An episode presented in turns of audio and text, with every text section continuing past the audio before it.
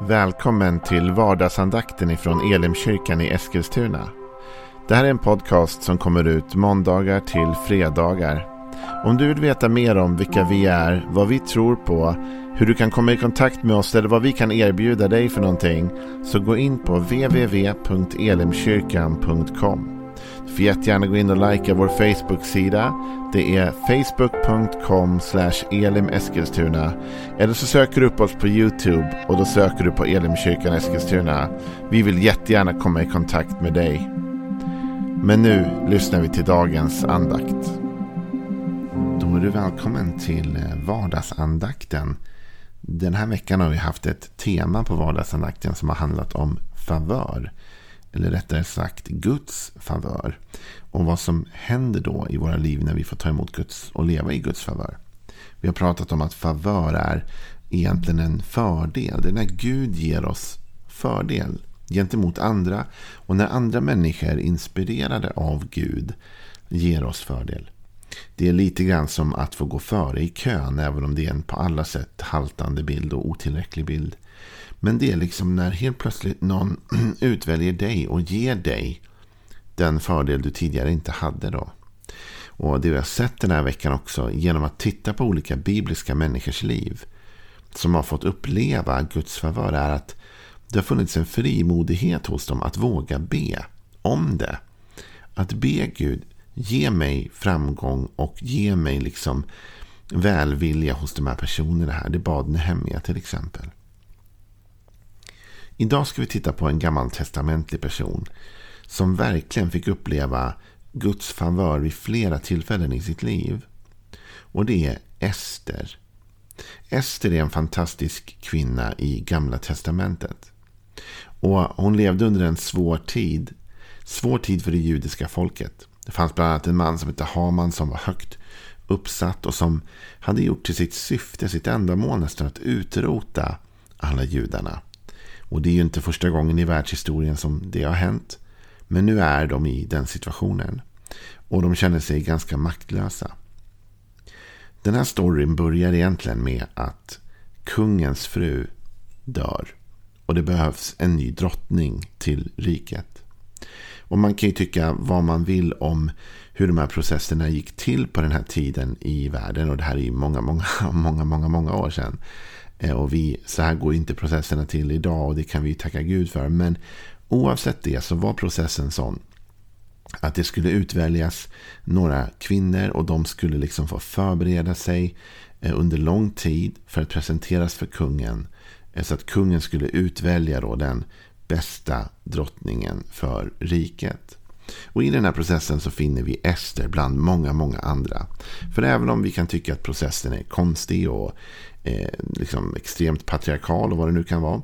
Så var det ändå så på den här tiden också att vara drottning var ju såklart någonting som förändrade livet och var eftersträvansvärt av många då. Och kungens befallning går ut om detta nu att de ska förbereda sig. Och då läser vi lite grann vad som händer Ester i Ester kapitel 2, vers 8. Då kungens befallning och förordning hade blivit känd och många flickor fördes till borgen i Susa och togs hand om Hegai hämtades även Ester till kungens palats och ställdes under uppsikt av Heggai, haremsvakten. Flickan gjorde intryck på honom och vann hans välvilja. Han lät henne genast få de skönhetsmedel och den kost som hon skulle ha och de sju tjänsteflickor från palatset som valts ut åt henne. Han lät henne flytta in i den förnämsta delen av haremet tillsammans med dem. Så det här är oerhört intressant. va? Nu är det massa kvinnor som är där och de vill samma sak. De vill få bli drottning i det här riket. Eh, och de ska under lång tid få liksom då bli förberedda för detta. När Ester kommer dit så vinner hon välvilja hos haremsvakten. Och han låter henne genast, står det få, alla de skönhetsmedel och den kost som hon skulle ha. Och hon får även sju tjänsteflickor som ska ta hand om henne och, och se till att hon har det bra. Hon får enormt bra förutsättningar, bättre än de andra. Och Det här får hon därför att hon vinner favör eller välvilja när hon kommer in där. Helt plötsligt är det hon som utväljs. Helt plötsligt är det hon som får sju tjänsteflickor. Det är hon som får de bästa produkterna. Det är hon som blir liksom hamnar i fast track till att bli drottning i det här riket. Man läser vidare då så går ju eh, den här tiden och det är klart att när väl alla kommer fram till kungen så är det Ester som också vinner kungens hjärta och hon blir drottning i riket. Det inte alla vet, för de inte har berättat, är att hon är av judisk härkomst. Det är till och med så att hennes eh, morbror Mordecai har sagt till henne att hon får inte berätta att hon är egentligen judinna. Och så kommer den här mannen då, Haman, och han börjar förfölja det judiska folket och det kommer landa där att alla liksom ska bli utrotade. Då kommer Mordecai som är morbror till Ester till henne och säger du, nu är du drottning. Du måste tala upp. Du måste göra någonting. Du kan rädda Israels folk här. Och det är den kända versen som Mordecai säger är att, att det är en tid för denna som du finns här. Och jag tänkte vi skulle läsa vad som händer när Mordecai kommer till henne.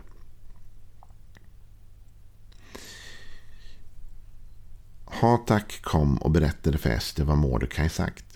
Då talade Ester till Hatak och befallde honom att gå till Mordecai och säga Alla kungens tjänare och folket i kungens provinser vet att om någon man eller kvinna går in till kungen på den inre borggården utan att vara kallad så gäller endast en lag. Han dödas.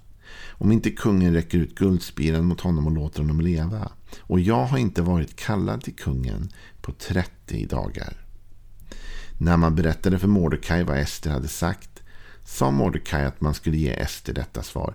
Tro inte att du ensam av alla judar ska komma undan för att du är i kungens hus. För om du tiger denna gång kommer hjälp och befrielse till judarna från annat håll. Men du och din fars hus kommer att gå under. Och vem vet, kanske är det just för en tid som denna som du har uppnått kunglig värdighet. Då sände Ester detta svar till Mordecai. Gå och samla alla judar som finns i Susa och håll fasta för mig. Ni ska inte äta eller dricka något under tre dygn. Eh, och mina tjänarinnor, jag och mina tjänarinnor ska fasta på samma sätt. Och därefter ska jag gå in till kungen även om det är emot lagen. Och är jag förlorad så är jag förlorad. Och Mordecai gick iväg och gjorde allt som Ester hade befallt honom.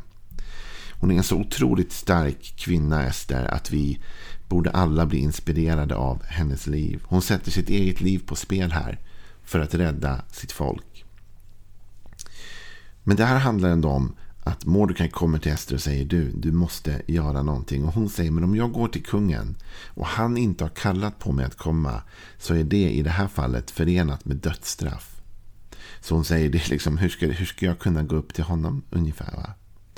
Men Mordecai säger, okej, okay, men tro inte att liksom, du är också judinna, du kommer inte komma undan. Och så säger han, kanske är det för en tid som denna du har uppnått kudom, kud, kunglig värdighet.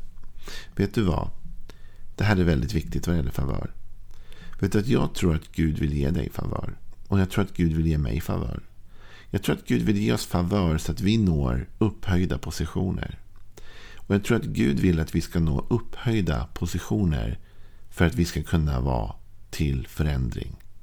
Du vet, det är på grund av Esters position som hon har möjlighet att ändå påverka det som händer. Och jag tror att när Gud ger dig och mig favör så är det inte bara för att lyfta oss. Det är inte bara för att vi ska få det finare eller få det bättre i livet. Men när Gud ger dig och mig favör så handlar det om att han vill att sitt rike ska utbredas. Och genom att ge dig och mig upphöjda positioner i samhället och på olika platser så ger han också oss inflytande. Och när han ger oss inflytande så ger han också oss möjlighet att sprida det goda budskapet och leva ut de värderingar, den etik och den moral som vi finner i Bibeln och på det sättet förändra och påverka samhället. Vi läser vidare i kapitel 5 vad som händer när Ester faktiskt tar sig till kungen. Vi läser i det femte kapitlet i Ester och från den första versen. Den tredje dagen klädde sig Ester i sin drottningsskrud och ställde sig på det kungliga palatsets inre borggård mitt för palatsbyggnaden. Kungen satt på sin härskartron i palatset rakt framför ingången. När han fick se drottning Ester stå där på borggården lyste han upp och sträckte sin gyllene spira mot henne. Ester gick fram och vidrörde spetsen av spiran. Vad vill du, drottning Ester? frågade han. Vad önskar du? Du ska få det, om det så är halva riket. Och så kommer då Ester och pratar vidare om att hon vill bjuda Haman och de andra till en fest. Och i slutändan, utan att dra hela storyn, så leder detta till räddning för hela Israels folk. Men poängen är att när Ester kliver fram inför kungen så vinner hon genast favör hos honom. Hon vinner sån favör att när hon kliver fram dit så säger han jag ger dig vad du vill ha Ester. Om det så är halva kungariket så ska du få det. Och detta trots att hon faktiskt bröt mot seden, bröt mot lagen. Man fick inte bara träda fram inför kungen. Men Ester, hon träder fram inför kungen. Och han vinner, eller hon vinner hans välvilja, hans favör. För att Gud har påverkat hans hjärta. Och Ester har varit i bön och fasta i tre dagars tid. Ser du igen? Hela den här veckan har vi sett att det som händer är att när människor bad till Gud så gav Gud dem favör. Och favören var att människor blev välvilligt inställda mot dem och gav dem de resurser de behövde eller den hjälp de behövde. Det är det favören handlar om. Det är att människor helt plötsligt öppnar sina händer för dig och gör saker för dig som du inte kunde uppnå själv. Som de inte egentligen behöver göra, som de inte är skyldiga att göra. Utan helt plötsligt ger de dig en fördel som ingen annan har. Och när vi följer smulorna bakåt i Esters liv så ser vi att det är ett liv kantat av favör. Ja, det fanns svårigheter och utmaningar och hon hade säkert mycket jobbigt i sitt liv också. Men ändå är det så att när hon vill sätta ögonen på denna drottningplats så ger Gud henne favör. Så när hon kommer in där med alla andra kvinnor i riket så är det just hon som får tjänsteflickor och skönhetsprodukter och allt vad hon kan behöva för att landa rätt i zonen för att kunna då imponera på kungen. Och när hon väl har gift sig och kungen har utvalt Ester till drottning så får hon som favör hos honom att hon till och med kan bryta mot lagar.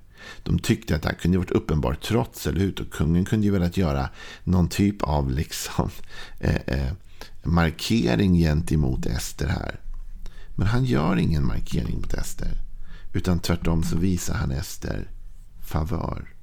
Och det är ju ganska otroligt att han gör på det sättet. Ehm, och då ska man veta att det är inte ehm, att eh, han har inte alltid varit sån. Utan hans första fru, hon vägrade att lyda mot det som han hade bett om. Hon skulle komma in på en fest och vara med där och hon vägrade. Och det slutar med att kungen utfärdar faktiskt en förordning att den här drottningen, hon ska inte få vara drottning längre på grund av att hon har trotsat. Så det var inte oväntat om nu den här kungen hade helt enkelt blivit rasande på Ester för att hon bröt mot reglerna. För den förra drottningen som gjorde det, hon åkte ut med buller och bång. Men här så kan Ester göra det därför Gud har gett henne favör. Och du vet, det här är fantastiskt. När du och jag lever i favör, då kommer vi kunna göra sånt som ingen annan kan. Vi kommer få tillåtelse att göra sånt som vi egentligen inte borde få. Vi kommer få kliva in på arenor där liksom vi tänker det här går ju bara inte. Så här. De kommer säga stopp, de kommer säga nej, de kommer inte vilja. Men helt plötsligt så vilar favören över oss. Och det kräver också tro. Kan du tänka dig vilken tro som måste funnits i Ester? Efter tre dagars bön och fasta. Att våga kliva fram för att rädda sitt folk. Att våga ta en risk. Vetande som att Gud är med henne och att Gud kan vila med sin hand och sin favör över henne. Du vet, du och jag, när vi är i bön och när vi söker Gud och när vi ber om framgång och favör kommer vi också få tro att våga kliva ut och göra och testa saker som egentligen ingen annan gör. Och folk kommer säga att det kommer aldrig funka. Men så kommer vi märka när vi går i tro att Gud öppnar dörrar för oss. Gud ger oss favör. Och vi kan till och med våga känna i vårt hjärta, nej det kanske inte skulle funka för någon annan. Men jag lever i Guds favör. Jag lever med hans fördelar i mitt liv. När jag går så öppnar han dörrar för mig. Han puttar fram. Han gör folk välvilligt inställda till mig. Trots att de kanske inte ens själva vet varför de är välvilligt inställda till mig. Men de gör fördelar. De visar upp en väg för mig som jag inte hade tidigare. Så den här veckan ser vi ytterligare ett exempel. Ester. Hon får en fördel när hon vill bli drottning. Hon blir drottning och hon får fördel när hon är drottning. Fördelar hon egentligen inte borde haft. Och det leder till hennes framgång, hennes favör som hon har fått från Gud. Leder till ett helt folks räddning. Så frågan är vad den favör Gud vill lägga över ditt liv kommer leda till. Vilken liksom framgång kommer Guds rike ha genom ditt liv och genom mitt liv när vi ger oss hän åt hans favör och att leva i hans favör. Fundera på det resten av dagen så hörs vi imorgon igen.